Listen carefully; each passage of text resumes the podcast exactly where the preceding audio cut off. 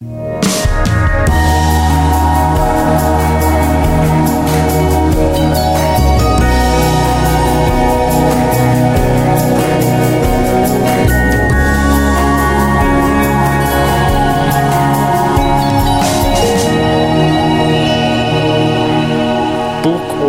politikk det er en podkast fra Fredrikstad bibliotek, hvor vi blir litt bedre kjent med førstekandidatene i de lokale partiene. Og i dag så er det Rødt og Hanna Berg som sitter her i studio sammen med meg, Perry Arte Olsen. Velkommen, Hanna. Takk for det. Du, du har fått utfordringa om å ta med deg en bok til bok og politikk. Ja. Og det her har du tenkt lenge og nøye på. Veldig. Det er jo Jeg syns jo for det første var en veldig morsom invitasjon, da. Å kunne komme og snakke litt om bøker. Jeg er veldig glad i å lese. Eh, og så var jeg litt sånn Hva skal jeg snakke om? Og så skjønner jeg at poenget er at det skal komme litt inn på noe politisk. Så det Selv om ikke det egentlig er problemet i de, eller de aller fleste bøker uansett, for de fleste har jo en slags politisk brodd, eh, selv om det er ja, veldig langt kanskje fra samfunnskritisk og sånt òg, men jeg landa jo til slutt på Watchmen, da. Tegneserieromanen, den grafiske romanen, kom på 80-tallet. 1986, eller? Ja, 86 rundt der. Ja. Eh, Den var vel utgitt som en tegneserie i tegneserieformat, da. Men ble samla til bok i 86 eller 87, tror jeg. Og det er kanskje ikke den der typiske tegneserien man, man tenker seg. Dette er jo en eh, voksentegneserie med ganske mange lag. Veldig. Det er jo veldig mye tekst. Eh, Det er en historie inni historien. Det er mye tilbakeblikk. Eh, Det er veldig tungt materie, og den er veldig politisk. Så det er nok kanskje det, men det er også Nå er ikke jeg så veldig godt kjent egentlig med tegneserier. Dette var litt min inngang til, til det, og noe jeg tenker jeg skal utforske mer selv også, da. Eh, Men jeg har jo egentlig sett filmen først og fremst, var jo det jeg gjorde for mange år siden den kom, da. Og så fikk jeg tegneserien til bursdagen min nå sist, og tenkte at yes, nå skal jeg få lese den også. Og den er jo minst like bra som filmen, og det tenker jeg er ganske kult, da. Så nå, nå er jeg klar for å begynne å lese tegneserier. Så her kom på en måte politikken for deg først, og så fant du Watchmen. Eller hvilken vei gikk det? Ja, nei, altså politikken har jo vært der kanskje lenge. Jeg syns jo utgangspunktet i denne, dette universet er veldig interessant, da, med at man da har, eh, har en alternativ tidslinje eh, til da nåtiden, eller den tids nåtid, da, som var da 80-tallet når det er kommet på. Det er jo også satt i slutten av 80-tallet, selve eh, denne boken, da, eller historien. Um, men da har man jo en alternativ tidslinje hvor, um, hvor superhelter finnes, for det første. Og så har det jo gått litt frem og tilbake med dette her. Det er kanskje ikke så mange superhelter, egentlig, men mer sånne borgervernere, maskerte borgervernere som passer på samfunnet, da. Eh, Og så blir dette forbudt, og så er det da en alternativ tidslinje ved at det er eh, at Vietnamkrigen er det USA som vant, eh, men man har fortsatt trusselen fra øst. Og ja, så er det jo ganske mm, oppspinn til tredje verdenskrig. Og det er vel kanskje noe som var liksom gjenkjennelig også på 2000-tallet, da når den filmen kom i 2009. Så var det også en tid hvor verden begynte å bli veldig utrygg igjen. Så det ga vel kanskje litt resonnement, da. Eh, Og så har jo det også balla seg på senere med liksom at man endra denne dommedagsklokka, stilte den nærmere tolv eh, når Trump styrte i USA og slike ting. Da. Så den er ganske relevant, selv om den begynner å bli litt eh, utdatert rent historisk, kanskje, da. Ja, den, den baserer seg vel veldig på på en måte en kald krig og, og det forholdet mellom Sovjet og, og USA og all, alle de tinga der. Og det dukker jo liksom stadig opp igjen.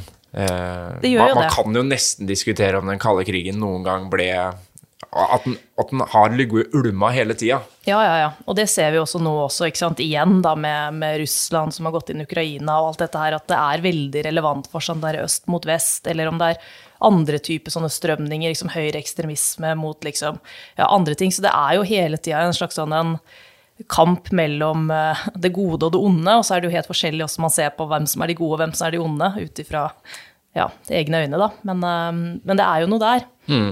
Jeg har ikke lest uh, tegneserieromanen sjøl, men jeg har lest litt om den da, i forberedelse til det intervjuet her. Og, og det som slår meg, er at det virker som det er tolkningsmuligheter innafor det universet.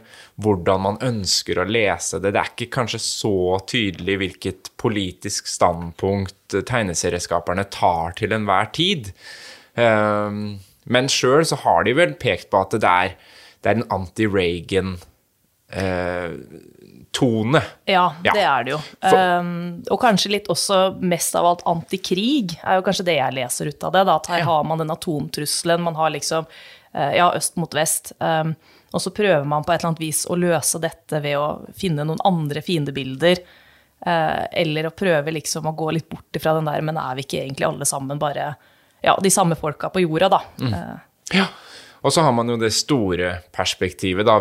Hvem skal vokte eh, vekterne? Som mm. er liksom undertittelen, den norske undertittelen. Fordi eh, i et samfunn så vil det alltid være noen som på en måte tar seg friheten til å gjøre hva de vil. Mm. Og du har noen som skal passe på, men hvem passer på de som skal passe på? Ja, ikke sant. Og det er jo litt interessant, for jeg har prøvd å tenke litt på det også. Er dette her en sånn type tegneserie eller et univers som kunne oppstått i Norge? Og så er jeg litt usikker på en måte, fordi at vi har en veldig tiltro til det offentlige, til staten, til de som skal passe på oss. Mens det kanskje er litt annerledes i særlig USA, da, hvor man har en veldig sånn misnøye med de som styrer, eh, og også noe av det som er bakteppet for Trump kom til makta, at man var lei av det eh, etablerte. Eh, og man har ikke den samme tiltroen, og da er det vel kanskje også mer grobunn fordi at man eh, har noen alternativer. At det vokser frem sånne at man tror at borgervernere er en positiv greie. da. Og så er jo det også da, eh, som du sier, folk som tar seg friheter og gjør det de vil. Og så, og så går jo ikke det nødvendigvis så bra, det heller, da. Det, og det tenker jeg også er litt interessant i den her, for den er vel ikke den helt typiske superhelt Det er nok litt kritikk mot superhelttanken også, hvor man ofte har disse perfekte karakterene som bare er gode, og de slemme er bare slemme. De blir litt flate, mens her er jo alle eh, Moralen er jo ganske lav hos også disse her som skal på en måte hjelpe oss. Da. De er eh, kanskje litt mer sånn som greske guder. De er også fulle av feil og gjør ting for egen vinning og er ikke veldig snille når det kommer til det. De lar seg kjøpe, de lar seg eh, bruke. Eh, noen går inn i staten og jobber der og tjener fett på det, og andre starter egne konserner og, og gjør Så det er sånn en fin sånn sammenblanding, og liksom Man sparker i alle retninger, da. Mm. Og som du sier, noen av dem blir på en måte fanga av det amerikanske systemet som de i utgangspunktet kritiserer med kommersialisering og alle mm. de tinga der. Mm. Nei, det er, som, som, vi var inne på, en bok med veldig, veldig mange lag og veldig mange ulike tolkninger. Men det som ligger til bunnen der, er jo liksom litt den vaktbikkjementaliteten, da. Mm. Og det bringer meg jo litt over på sånn man oppfatter partiet Rødt. Mm. Som den som kanskje står og sier hei, hei, vent litt. Eh, og har tatt den posisjonen i samfunnet. Så hvordan kom du inn i politikken, og hvorfor ble det Rødt? Ja, eh, det er alltid litt sånn morsomt. Jeg har engasjert meg politisk eh, siden videregående, egentlig.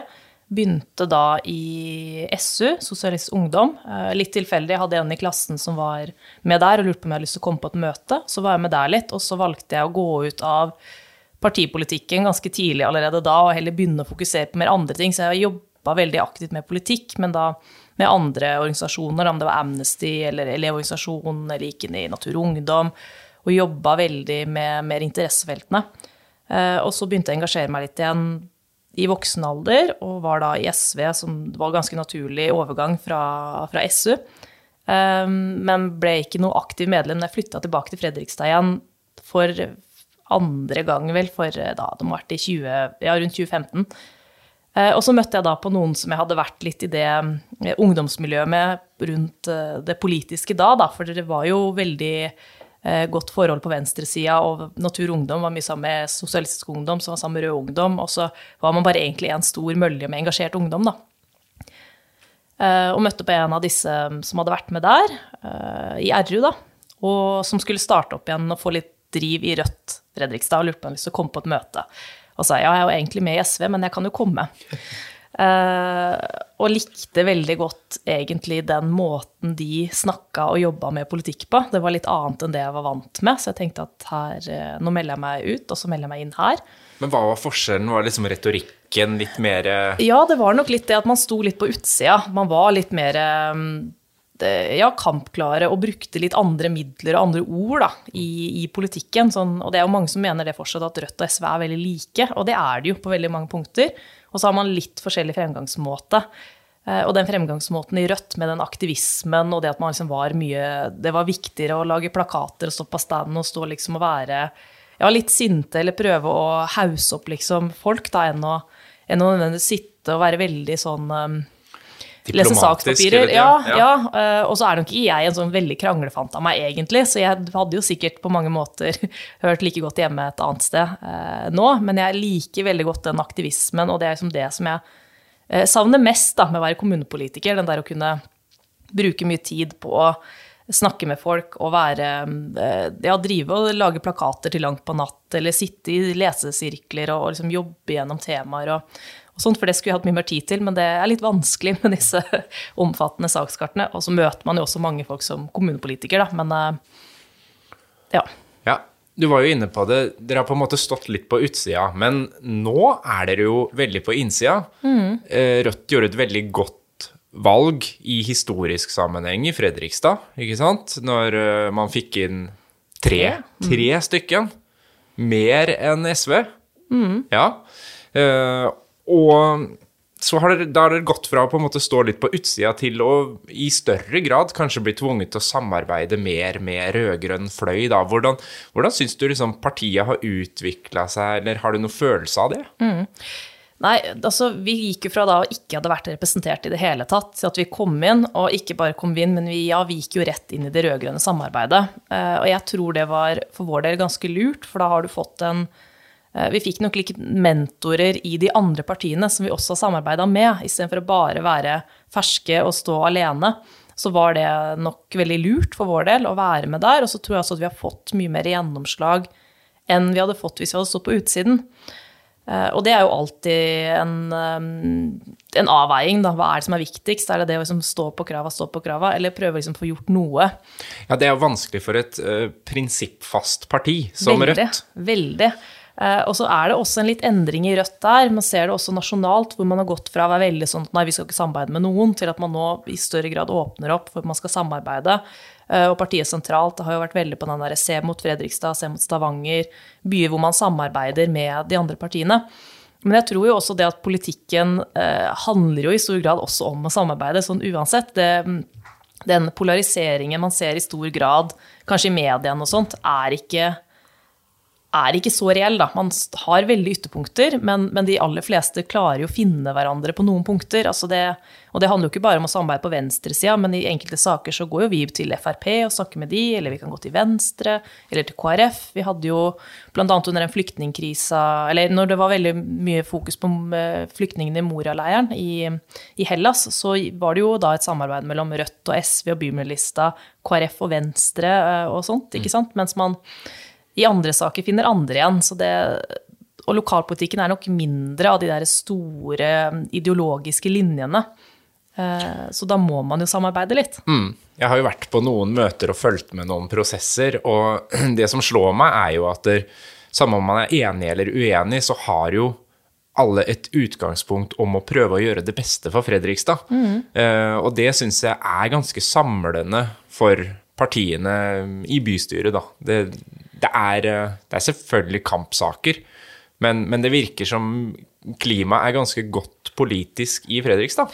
Veldig. Og mm, som en som var helt fersk da, og ikke hadde noen å lene meg på i partiet heller, ikke sant? for jeg var jo da første inn, jeg hadde jo ikke noen mentorer i rekkene mine, så var det veldig fint å komme inn eh, og møte så mye hyggelige og greie mennesker da, som hjelper deg selv om de ikke er enig med deg. Så kan de liksom sette seg ned, ja, men da må du sjekke ut dette, og hvis du lurer på det, så går du dit. Og det er, en, um, det er et kameratskap der, da.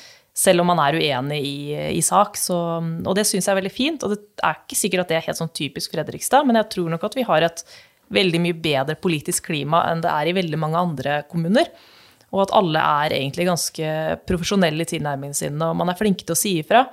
Eh, og så tror jeg det har skjedd et eller annet. Det er mange som sier det, eh, også særlig på høyresida nå, da, at det har skjedd noe med Etter at maktbalansen i kommunen ble, ble litt endra, så har også alle partiene blitt mye flinkere til samarbeidet. For før så trengte jo ikke venstresida i så stor grad å egentlig informere en gang høyresida om hva de tenkte å gjøre.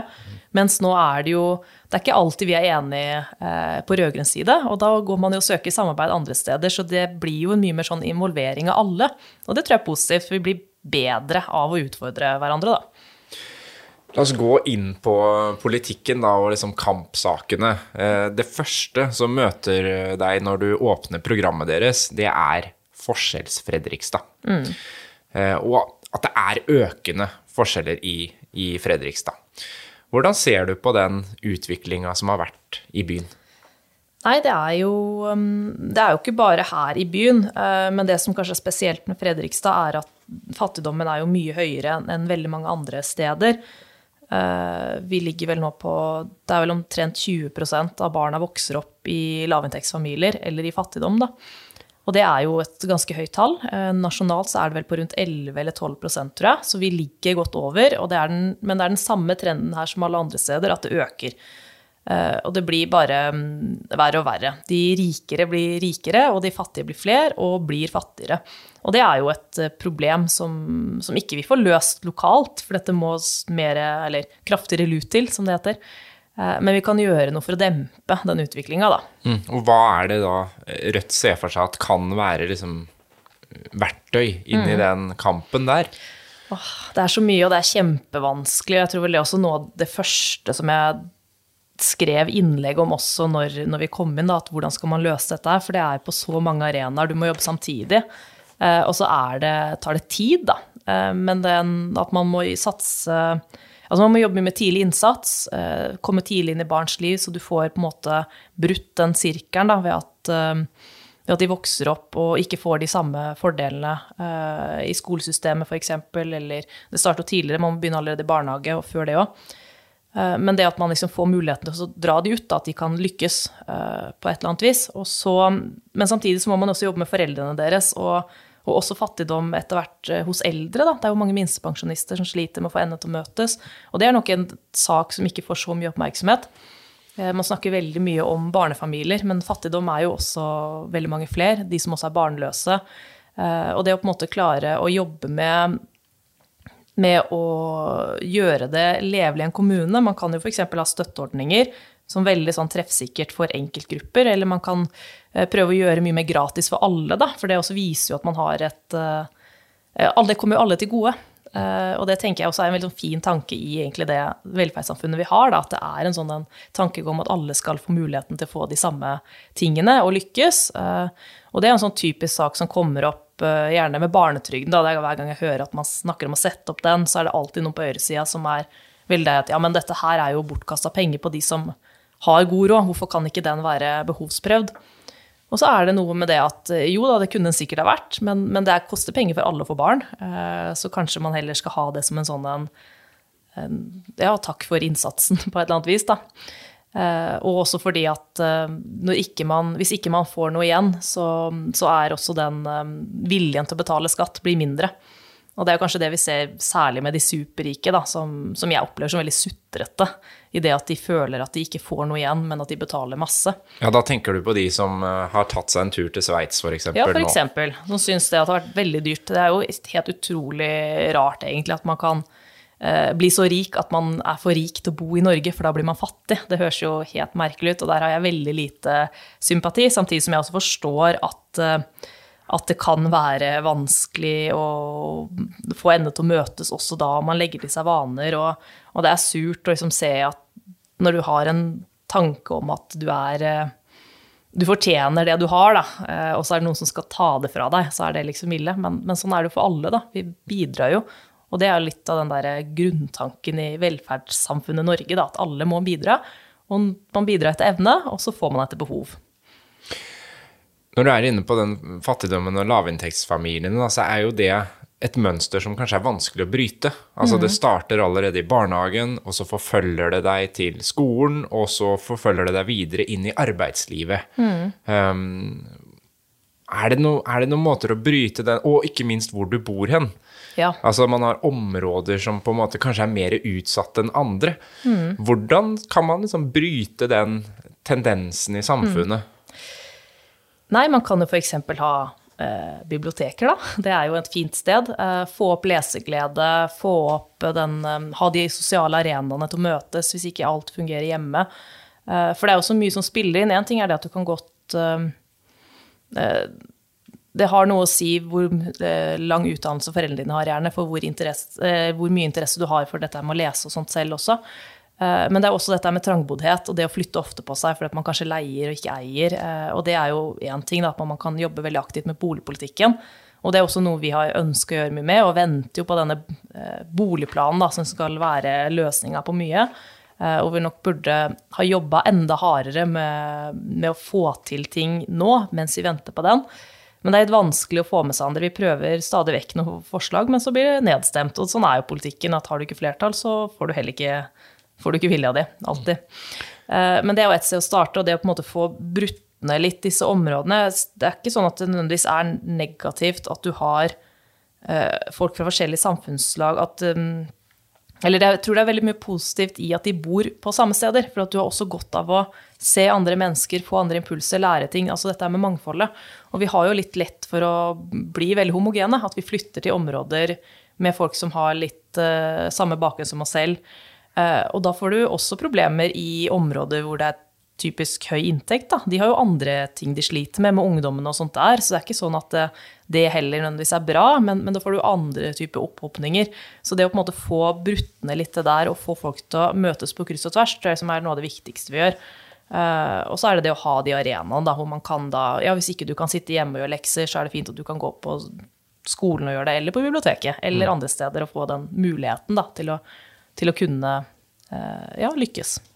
Og Der er vi jo litt inne på en annen ting som dere er opptatt av i partiprogrammet, og det er jo den generelle byutviklinga i forlengelse av boligpolitikken, at nå skjer det jo veldig mye i Fredrikstad. Det er mm. store byggeprosjekter på verkstedet, på Cicignon, rundt omkring, og det er veldig flotte boligprosjekter som dukker opp. Og det her er et tilbakevendende tema i denne podkasten, og spørsmålet er jo bygger vi nå en pensjonistby for Oslo-folka som har råd til å selge huset i Oslo og bo og kose seg i Fredrikstad? Mm. Ja, i stor grad så gjør vi jo det. Eh, og det er jo et problem og litt vanskelig å løse opp også, for klart eh, vi har jo verdens beste by, så jeg skjønner at alle har lyst til å flytte ja, hit. Ja, ikke sant. Det er noe med det. Så det er jo så lettvint. Nei, det er jo litt med hvordan, hva man bygger, for det første. Da. Når mye leiligheter eh, er jo Det er jo sånn at, eh, at det er kanskje noe som eh, først og fremst pensjonister eller folk som har voksne barn, ønsker å bo i. Da. Man er ferdig med hus og hage og alt dette her, og ønsker litt sånn rolig tilværelse. Og det er jo på mange måter bra da, at vi får de inn i leilighetene, for da får du frigitt eneboligene til, til barnefamilier. Eh, men så får du jo det da at det er veldig mange som flytter hit, som har god økonomi, da kan utkonkurrere de som allerede bor her. Eh, og det ser man jo mange steder. Og så er nok ikke Fredrikstad verst der. Du har jo bl.a. en del kommuner hvor ikke det er boplikt, f.eks. Så er det jo noen som kjøper seg et hus eh, og har det som hytte. Og så gjør det da til at noen lokale ikke kan få kjøpt seg det og bli pressa ut av sin egen kommune. Og jeg vet ikke helt hvordan man skal løse det, men kanskje ved at man har gode ordninger lokalt på på å få hjelp til å komme seg inn på boligmarkedet. Da. At det kan være noen støtteordninger. Og det er det jo i viss grad fra Husbanken. Eh, men det har blitt veldig snevre ordninger. Men prøver også den der at man går inn i dialog i større grad med utbyggerne og prøver å få på plass sånne ja, leie-til-eie-modeller eller delkjøping og, og sånt. Da, så man kan på en måte sikre at også de som er herfra, kan komme seg inn. Men føler dere at dere blir møtt på det, eller ønsker du å være holdt på å si, strengere mot de private utbyggerne, da? Jeg tror nok at det vi trenger, er eh, i større grad arena vi kan møtes og prate om disse tingene. For nå er det litt sånn um, Nå sitter alle litt på hver sin tue. Vi politisk sitter og mener ting, og så mener ikke vi det samme. fordi at politikerne har også forskjellig utgangspunkt, og noen vil jo helst ikke ta på dette her i det hele tatt med, med bolig og tenker at det må markedet ordne opp i selv. Eh, men samtidig så er det også en tankegang som jeg ser endrer seg i mye større grad. Da når vi sto i debatter før forrige valg og var liksom en av de få som snakka om boligpolitikk, at nå må vi ta politisk ansvar for dette her, så var jo liksom det jevne over, kanskje med unntak av, av noen få partier, så var sånn nei, men dette er ordner markedet selv, og bare bygger nok, så blir det billig nok. Og så ser man jo det at det fungerer jo ikke i det hele tatt. Så I større grad nå ønsker også politikerne å ta litt styring og litt eiing, men man har ikke verktøyene, da, eller er ikke sikker nok i dette her. Um, men vi ønsker nok den der å møtes, for jeg tror også at utbyggerne er interessert i, særlig nå da, når markedet begynner å bli såpass uh, lunka som det er innenfor en del segmenter. Altså nysalg av leiligheter går mye dårligere enn det det har gjort. Uh, prisene er fortsatt høye, men det er den usikkerheten nå, for dette er det i ferd med å sprekke rentene settes opp. Eh, og da hadde det kanskje vært veldig trygt og godt da, om man kunne i større grad samarbeide med kommunen, som da er en sikker kjøper eller leietager. At man går inn og sikrer boliger til, til deler av samfunnet som nå ikke kommer inn. Mm. Eh, så jeg tror egentlig at den usikkerheten vi står i nå, er jo egentlig en mulighet da, til å kunne lykkes i større grad. Men da må vi snakke sammen. Eh, kommunen må snakke, eller administrasjonen da, må snakke i større grad med oss politikere om hvordan vi kan gjøre dette her. Og vi må snakke med utbyggerne, og utbyggerne må snakke med oss. Og egentlig så burde alle bare satt seg ned og prøvd. For jeg tror også de ønsker jo å ta De fleste av de ønsker å ta et ansvar. Um, og ønsker at byen De lokale har jo en sånn tilknytning til byen sin og ønsker at det skal være et godt sted å bo også i fremtiden, når man har eierskap uh, på et eller annet vis. Men så trenger også de kanskje litt ja, ja, de, de, skal jo tjene noen penger, selvfølgelig. De skal det også. Og så er det jo et paradoks da at kommunen kan jo ikke løse dette sjøl. Og for å på en måte drive byen videre, så er det jo ofte de private utbyggerne som kommer med liksom nyvinninger og, og mm. ideer og, og tanker, da. Ja, ja, ja, absolutt. Eh, og så er det nok også der, og det igjen er et sånt problem som kanskje man må ta på et høyere nivå, da, at eh, skulle vi gjort noe på skattlegginga av boliger, er det noen intensiver man har fjerna som burde innføre igjen? Altså man, det skjedde jo veldig mye med det norske boligmarkedet under uh, Willoch-regjeringen. Da fikk man fullstendig frislipp, hadde hatt et veldig uh, regulert og strengt boligmarked fram til det, og den derre hus eh, ja, At man alle skulle bo på et annet vis, og man hadde det som en eh, del av velferdssamfunnet. Da. Og så forsvant det ut, så ble det markedsstyrt, og så er man litt på vei tilbake til å tenke at bolig er velferd. Eh, vi trenger gode steder å bo for å kunne også lykkes på andre måter i livet vårt. Men vi er ikke helt tilbake der at vi har verktøyene. Nei. Men én ting som folk, mange folk er gærne på, er jo eiendomsskatten. Hva tenker Rødt om det? Et nødvendig onde, er det ikke det vi kaller det? Nei, akkurat nå så tenker jeg sånn som den eh, situasjonen kommunen er i, da, med at Fredrikstad er en lavinntektskommune, eh, så er vi helt avhengig av dette her for å klare å få til den velferden vi har. Eh, men så ser jo også jeg at det er en del problemer med det. Jeg tror vi gjorde lurt i det når vi endra Eller vi omtakserte jo, og det måtte man jo gjøre. Og da ble det jo mange som fikk sjokk på det, fordi at det var da eh, Brått så betalte man jo mye mer enn man hadde gjort, for man hadde jo ikke taksert på mange, mange, mange år. Eh, men det vi gjorde også, var jo at vi la inn et bunnfradrag på én million. Så de billigste boligene er jo nå eh, Har jo mange fått da lavere eiendomsskatt enn det de hadde fra før. Og så er det jo også dette her med at man eh, kanskje må se på andre løsninger, da. Er det sånn at eh, Ofte så er det nok sånn at de som har god råd, de bor også godt og har dyre leiligheter. Men du kan jo også arve et hus, da. Mm. Uh, og det er jo veldig synd. Skal ikke, folk skal ikke miste boligene sine fordi at uh, de tilfeldigvis har blitt opptakstert, Så det er jo noe vi må se på nå. Nå har nesten dette her vært i Ja, den nye takseringa har vært nå det siste året, og det er vel ikke avklart ennå med, med klagen og sånt på det. Uh, men det er jo noe vi kommer til å se på utover høsten i hvert fall. Da. Dette her skal man prøve å få på plass noen støtteordninger, sånn at i hvert fall de som da har dårligere og kan beholde boligene sine. Det er jo det aller viktigste. Mm. Eh, og så får man jo heller nedjustere dem på sikt, og det er nok ikke helt uh, utenkelig del. Og vi har jo allerede nedjustert én gang siden, siden, man innførte nå med ny taksering. Eh, så det kan jo komme igjen. Og jo flere boliger som dukker opp i Fredrikstad, hvis man tenker at man skal ha inn de 350 millionene, er det vel cirka nå, eller 370, eller noe sånt. Og hvis man tenker man skal ligge på det nivået, og jo flere boliger som kommer, jo lavere vil jo skatten bli for alle, fordi at da er det flere å fordele den ut på. Mm. Eh, når vi er inne på eh, økonomi og de store spørsmåla, så har jo også hverdagsøkonomien til folk Den er jo i stor endring. Mm. Det er som du sier, høyere renter, høyere matvarepriser, og det, bare, det stiger og stiger og stiger, og man føler nesten ikke at det er noe tak i det hele tatt. Og samtidig så sitter du og sier at jeg skal ha mindre lønn. Ja. Det er ganske oppsiktsvekkende. Ja, ja, ja. Uh, og jeg har jo allerede mindre lønn, så det er jo greit. ja. um, på en måte. Nei, for Rødt så er det jo sånn at vi, vi, mener jo det at det er et veldig viktig prinsipp at politikere ikke drar ifra folk. Vi snakker jo om en snakker om det som lønnsadelen. Altså stortingspolitikerne i Norge tilhører den 10% rikeste delen av befolkningen.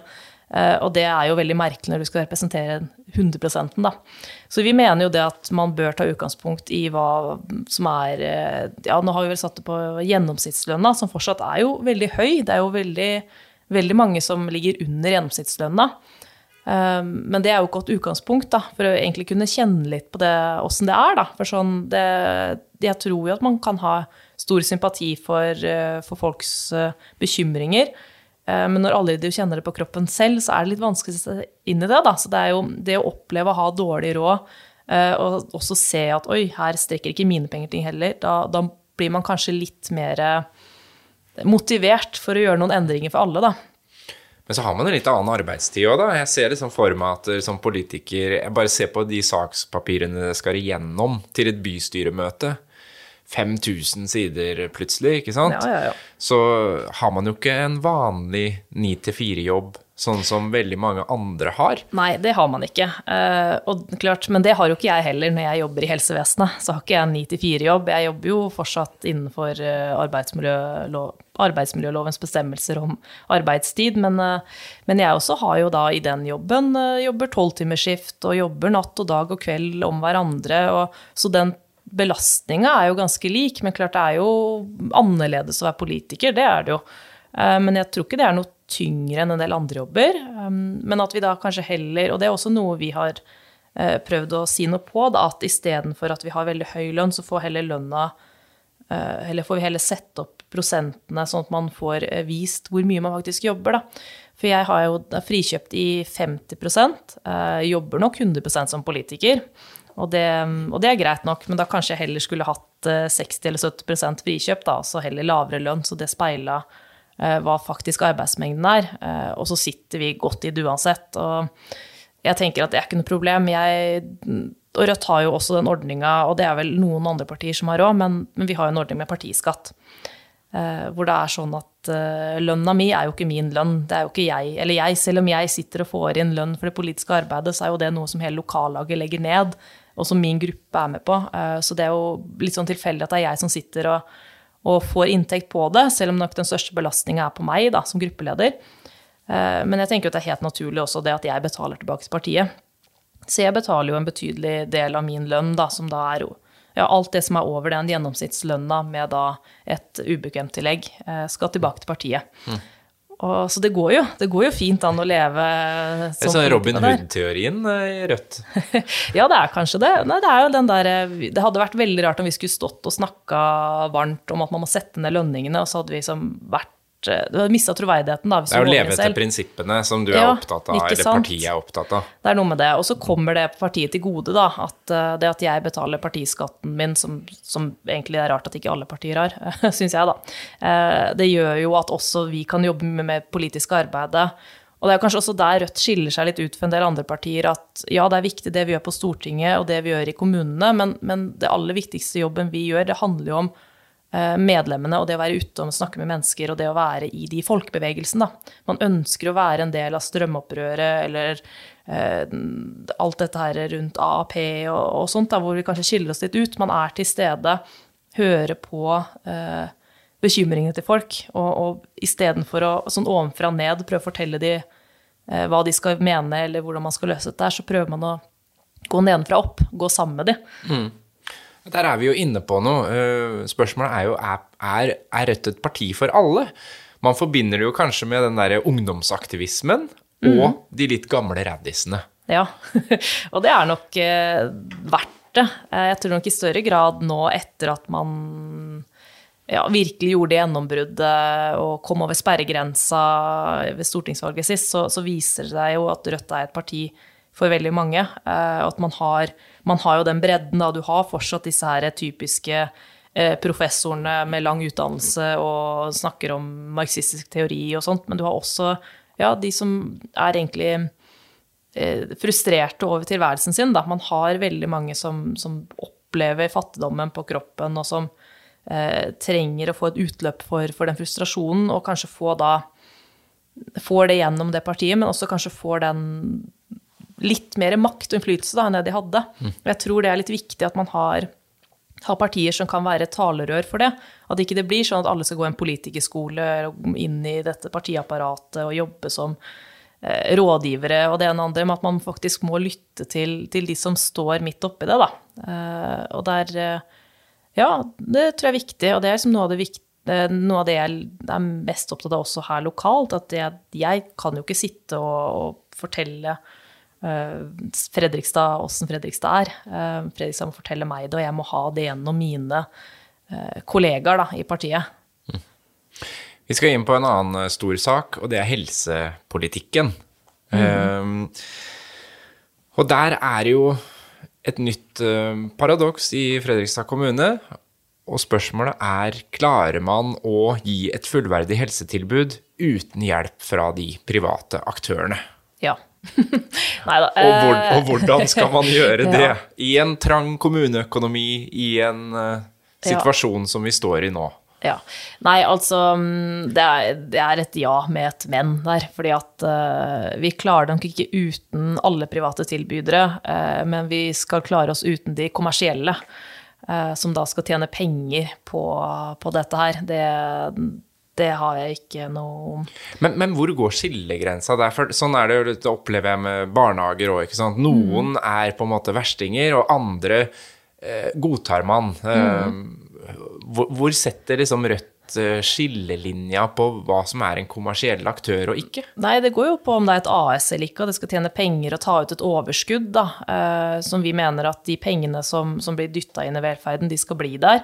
Eh, og det er en veldig rar modell vi har fått hvor man kan tjene seg søkkrik. Altså det er et eller annet som Det burde jo gå varsel, noen varsellamper hos flere når, når det er hedgefonds i Australia som kjøper opp barnehagekonsern fordi det har blitt en sånn lukrativ bedrift i Norge. Uh, og så er det jo kommet masse skriv på det etter hvert, hvordan det er mulig å tjene seg så rik på disse tingene. For det, blant annet så er jo en del av disse konsernene kritisert for at man, man firer på krav. Du har kanskje ikke Nå er det jo bemanningsnormer og veldig tydelige krav i, i, uh, i mange av velferdssektorene våre, men, men, en del steder så firer man på en del krav. Da, at du kanskje ikke har folk med kompetanse. Eh, man har kanskje dårligere pensjonsordninger for de ansatte, man har færre ansatte på jobb.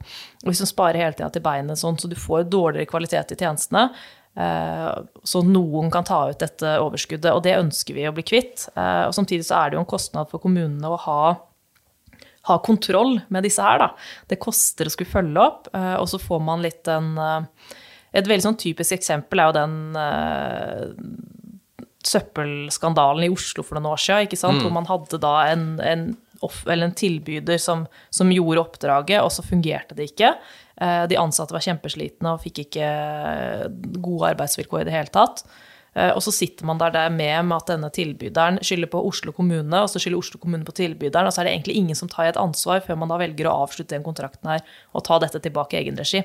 Og i eh, mellomtida så ligger søppelet i gatene. Ja, ikke sant. Og så blir folk slitne og lei seg av det, og du får rotter og det ene og andre. ikke sant. Så det er jo um, det er jo noe med det også hvem har ansvaret, til syvende og sist. Og vi har jo hatt noen saker på det her i Fredrikstad også, hvor man har noen Eh, kontroller eller tilsyn med ting, eller folk blir kasteball i systemet, og så, og så, sitter man liksom egentlig ikke Og noen tar helt ansvar for det. Og jeg mener at til syvende og sist så er det jo egentlig kommunen som har ansvaret uansett, fordi at det er vi som også eh, setter ut disse anbudene. Eh, men da må du ha folk i kommunen til å følge opp de anbudene òg, da. Og hvis man da uansett skal ha ganske sånn strenge kontrollregimer om å følge det opp, hvorfor tar vi ikke bare gjør det selv? Eh, til en viss grad. Og så er det selvfølgelig en del områder hvor, eh, hvor, ideelle kan gjøre en bedre jobb, eller har en annen fleksibilitet, eller har en annen kompetanse. Og de skal man selvfølgelig bruke. Og så eh, har man jo heller ikke økonomi til å overta alle de private barnehagene for å, for å dekke behovet, da. Nei, nei, nei. Det er jo et økende behov for barnehageplasser. Ja, ja. Og det er klart, så det er, det er, en, det er jo et det er ikke sort-hvitt. Det, det, er et uh, Man trenger også noen private tilbydere på en del ting, men vi trenger ikke de kommersielle. Det er en, det er en modell ikke vi ønsker da inn i velferden. For det er, uh, ja, det er ikke der pengene skal gå. Det skal gå til barna, til de eldre. Uh, men det er klart at man har, har potensial her. Og det er ikke sånn at når vi går ut og kritiserer en del av disse private, så er jo ikke det fordi vi tenker oss at det offentlige gjør alt helt riktig hele tiden heller. Det er jo masse feil og mangler i, i de kommunale helsetjenestene også. Eh, så det er jo en hele tida kamp, men det er den der å prøve å rette inn ressursene sine i en retning, da, ikke måtte spre det sånn utover og, og jobbe med ting på mange måter. Så skal vi klare å ta det òg, men det er vanskelig å, å rydde opp i alt, uh, alt inhouse når man hele tida må passe på det som er utafor, da. Mm. Skal vi ta den andre enden nå, da? Eldreomsorgen. Mm. Hvordan blir den i, i Fredrikstad med når Rødt får bestemme? Når Rødt får bestemme. Nei, for det første så tror jeg nok at um, man må bremse litt ned på denne tanken om um, dette mantraet om at alle skal bo hjemme så lenge som mulig. Uh, skal, alle skal bo hjemme så lenge de har lyst, tenker jeg er som en viktig endring der. Da, at, altså der vil du ha valgfrihet? Jeg vil ikke Ja, ja. ja jo, valgfrihet. Nei, klart det. Men så ser man det at veldig mange har jo lyst til å bo hjemme. De har ikke nødvendigvis lyst til å flytte på et sykehjem. Uh, og sånt. Men jeg tror nok vi må litt tilbake til den tankegangen om om eldresentre, da. Litt det man hadde kanskje på 90-tallet og før. For nå er det jo sykehjem, der skal de aller sykeste være. Men, men jeg tror også at det er en, en tid før, før, du blir så syk at du skal være på et sykehjem, så kan det hende du trenger litt hjelp. Eller du kan trenge å bo på et sted hvor ikke du blir isolert. Mm. de sosiale møteplassene, ja. at de ikke forsvinner. Mm, for det at med en gang du f.eks. blir dårlig til bens, da ikke kommer deg rundt, så er det jo mange som stenger seg inne, og så kanskje ikke man har familie i nærheten, eller kanskje ikke man har familie i det hele tatt. Og så blir det da kun den hjemmesykepleien som kommer innom en gang om dagen eller to ganger om dagen, som blir kontakten din med verden. Da. Og da må, vi, da må vi gjøre noe for å bedre det. Da. Om det er at eh, man ja, får eldreboliger i større grad hvor de kan bo og kanskje gå på en kafé som er på nærområdet sitt, eh, eller om man får får på plass andre ordninger. Der også må vi samarbeide i mye større grad med frivillige. da, Man passer på at liksom man kan få henta og tatt dem ut. Og det er jo noen ordninger på det. Eh, men det må nok kanskje bli enda mer av. Eh, for jeg tror nok først og fremst det farligste er, er, den ensomheten som mange eldre kjenner på. Og så er det tryggheten. Du skal være trygg. Eh, det skal være forsvarlig å bo der du bor.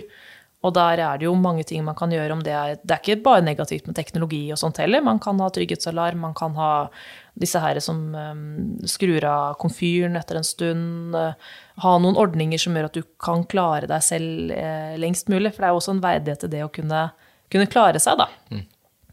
Men klart, det skal ikke Alle de tingene som man bygger opp nå, det skal ikke være istedenfor. Uh, og der tror jeg det kanskje har gått litt langt, at man snakker helt til om den der bo hjemme, bo hjemme, bo hjemme. Og så glemmer man at ja, men det er ikke alltid det et alternativ. Uh, vi må faktisk også fortsette å ha sykehjemsplasser. Eh, og det har vi jo sett nå de siste par budsjettene eh, hvor administrasjonen har foreslått å legge ned enkelte sykehjem, da, hvor da, det har vært ganske sånn unison enighet politisk om at ja, men det kan vi jo ikke gjøre. Eh, for det blir flere eldre, og det blir flere eldre som er syke også, som trenger de plassene. Så vi kan jo ikke kutte. Og beleggsgraden i Fredrikstad begynner allerede nå å bli ganske lav. Så det er jo en ting her, men det kanskje viktigste er å bygge opp det mellomsjiktet, som ikke er på plass. Mm. Jeg så jo bl.a. at dere nevner i partiprogrammet kafeer, sosiale mm. møteplasser, ikke sant. Eh, kanskje opplevelser, da, mm. som, som, gir de eldre som fortsatt er med i samfunnet, på ja, en måte. Ja, ja. Eh, noe ekstra. Ja, og så er det jo så lenge den tida du er fra liksom, For eldre er jo en veldig eh, stor gruppe mennesker. Det er jo fra du går av med pensjon til du liksom er da 100. Mm. Eh, så de der, at man har samla en gruppe mennesker på det som går over en 30, nesten 40 år, da, i én mølje bare. Altså du har friske eldre som ikke vil trenge hjelp noen gang, men som kanskje bare ja, trenger litt selskap. Og så har du de som blir veldig tidlig dårlige og syke, og som trenger mye tidlig. Da. Så det å måtte snakke om eldre som en homogen gruppe også er jo helt sånn snodig. Det er veldig snodig. Vi har jo et flott samarbeid med Lions Club eh, Fredrikstad her på biblioteket, da, hvor vi har en 82-åring ikke sant, som spretter rundt på biblioteket sammen med ungdommen mm. og holder på og lager aktiviteter. Og det er jo liksom fantastisk å se når man gir de mulighetene som man kanskje litt sånn fordomsfullt uh, lar være mm. å gi pensjonisten òg, da. Ja, fordi at pensjonister er jo først og fremst også kanskje en kjemperessurs for samfunnet vårt. da. Altså, de har stått i jobb i mange, mange år, og mange er nok også har lyst til å fortsette å gjøre noe da, og bidra. Eh, og de er jo, mange av de er jo utrolig flinke. Altså ja, hvordan skulle man klart seg på en del Lions? Eh, det er jo én ting, men du har jo Rotary altså du har Masse, masse grupper og foreninger ja, ja, og frivillige, selvfølgelig. Bidrar så mye, eh, og som vi også trenger. da. Så det der å på en måte verdsette de eldre også se det som en ressurs, og ikke se på alderdom som en sykdom, for det har vi så lett for å gjøre. Um, og det er jo litt eh, Det er også interessant, og det blir mer sånn større samfunns- og kanskje filosofiske spørsmål som ikke jeg sitter med alle svara på. Men den derre å ja, gå litt fra å tenke at det, det, å være gammel, da er du syk, men, men det trenger jo ikke være det. Du kan være vis, du kan være en ressurs, du kan være ja, en støttespiller. Altså Det er noe med det å endre litt på den tankegangen også. Her er vi tilbake på Watchmen. Hvem skal vokte de eldre? Ja, ikke sant? Men du, eh, kultur og idrett må vi også innom. Vi må liksom gå inn for landing snart. Mm. Arena Fredrikstad. Ja. For eller imot? Vi har jo sagt at vi er for, eh, men vi Og det står jo også i plattformen, som vi har vært en del å skrive under på sammen med de andre rød-grønne partiene.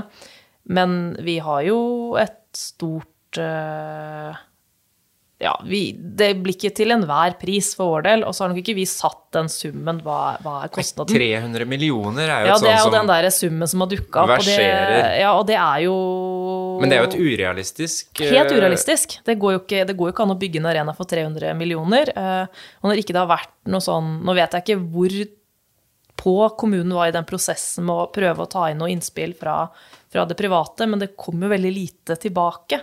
Og vi kan jo ikke tvinge noen utbyggere heller til å bygge dette for oss og si at vi skal gå inn med 300 millioner. Det er det. Så det, når man i realiteten sier at man ikke skal bruke mer enn 300 millioner, så sier man jo egentlig ikke man ønsker Arena Fredrikstad. Eh, og så pakker man inn politisk med at jo, jo, jo, bare det blir gjort på disse premissene.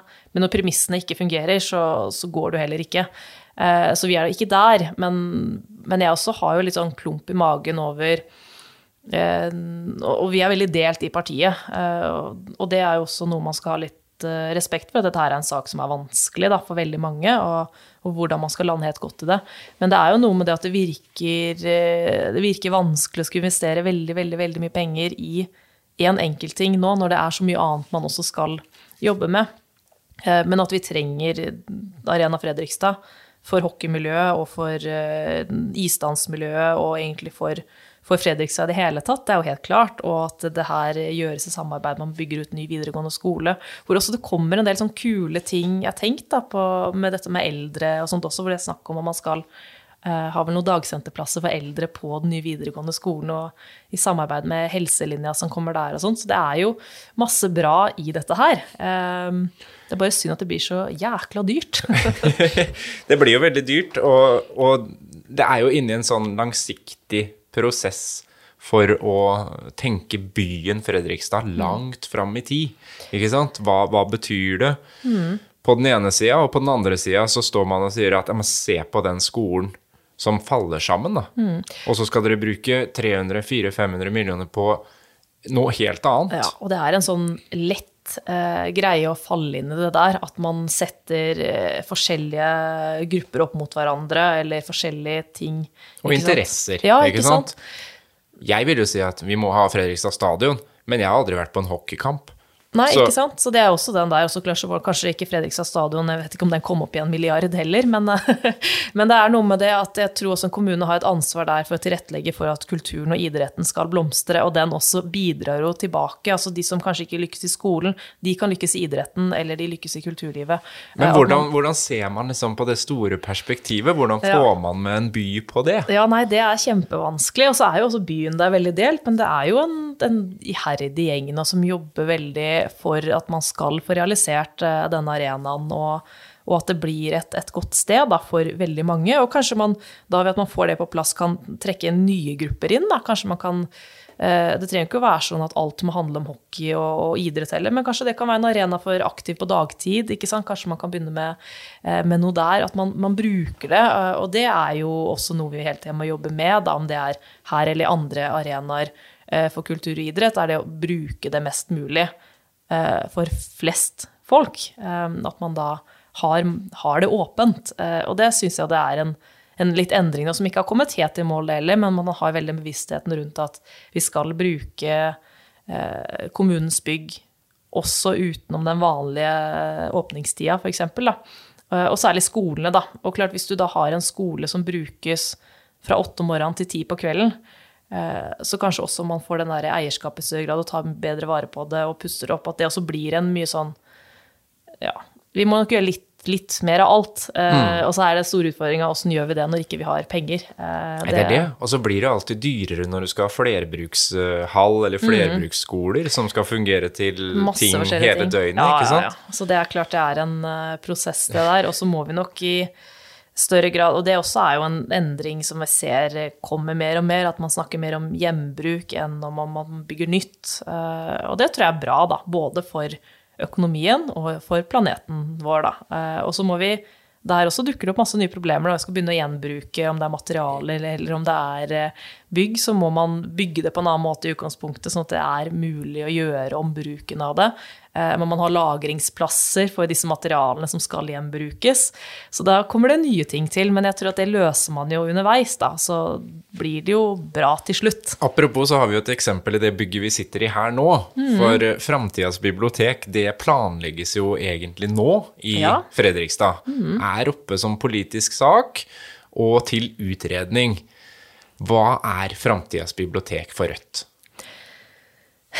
Der også er nok Rødt litt delt. Jeg tror vi landa veldig godt i den um, saken som uh, var nå, og veldig enig i det som kom fram der, uh, om at man bevarer biblioteket vi er i nå, men det må gjøres en del utbedringer, sånn at det fungerer godt. For det som Universell utfordring, Universell for utforming, og også dette her med ikke sant, at det må ha godt inneklima.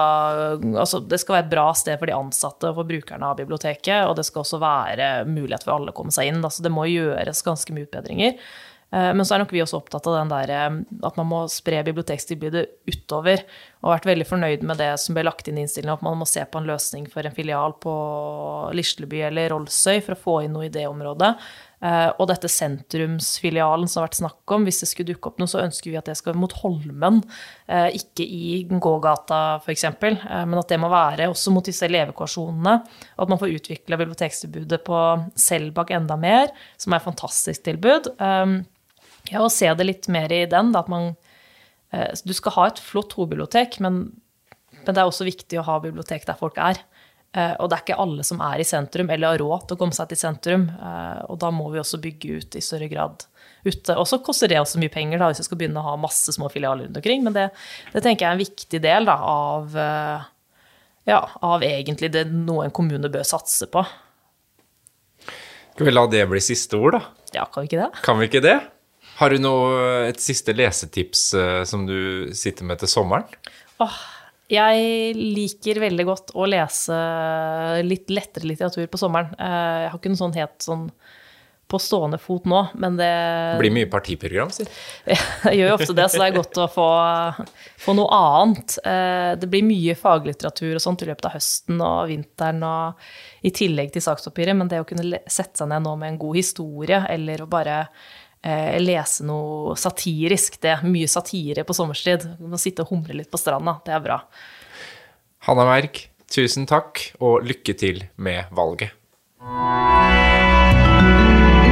Produsert av Fredrikstad bibliotek.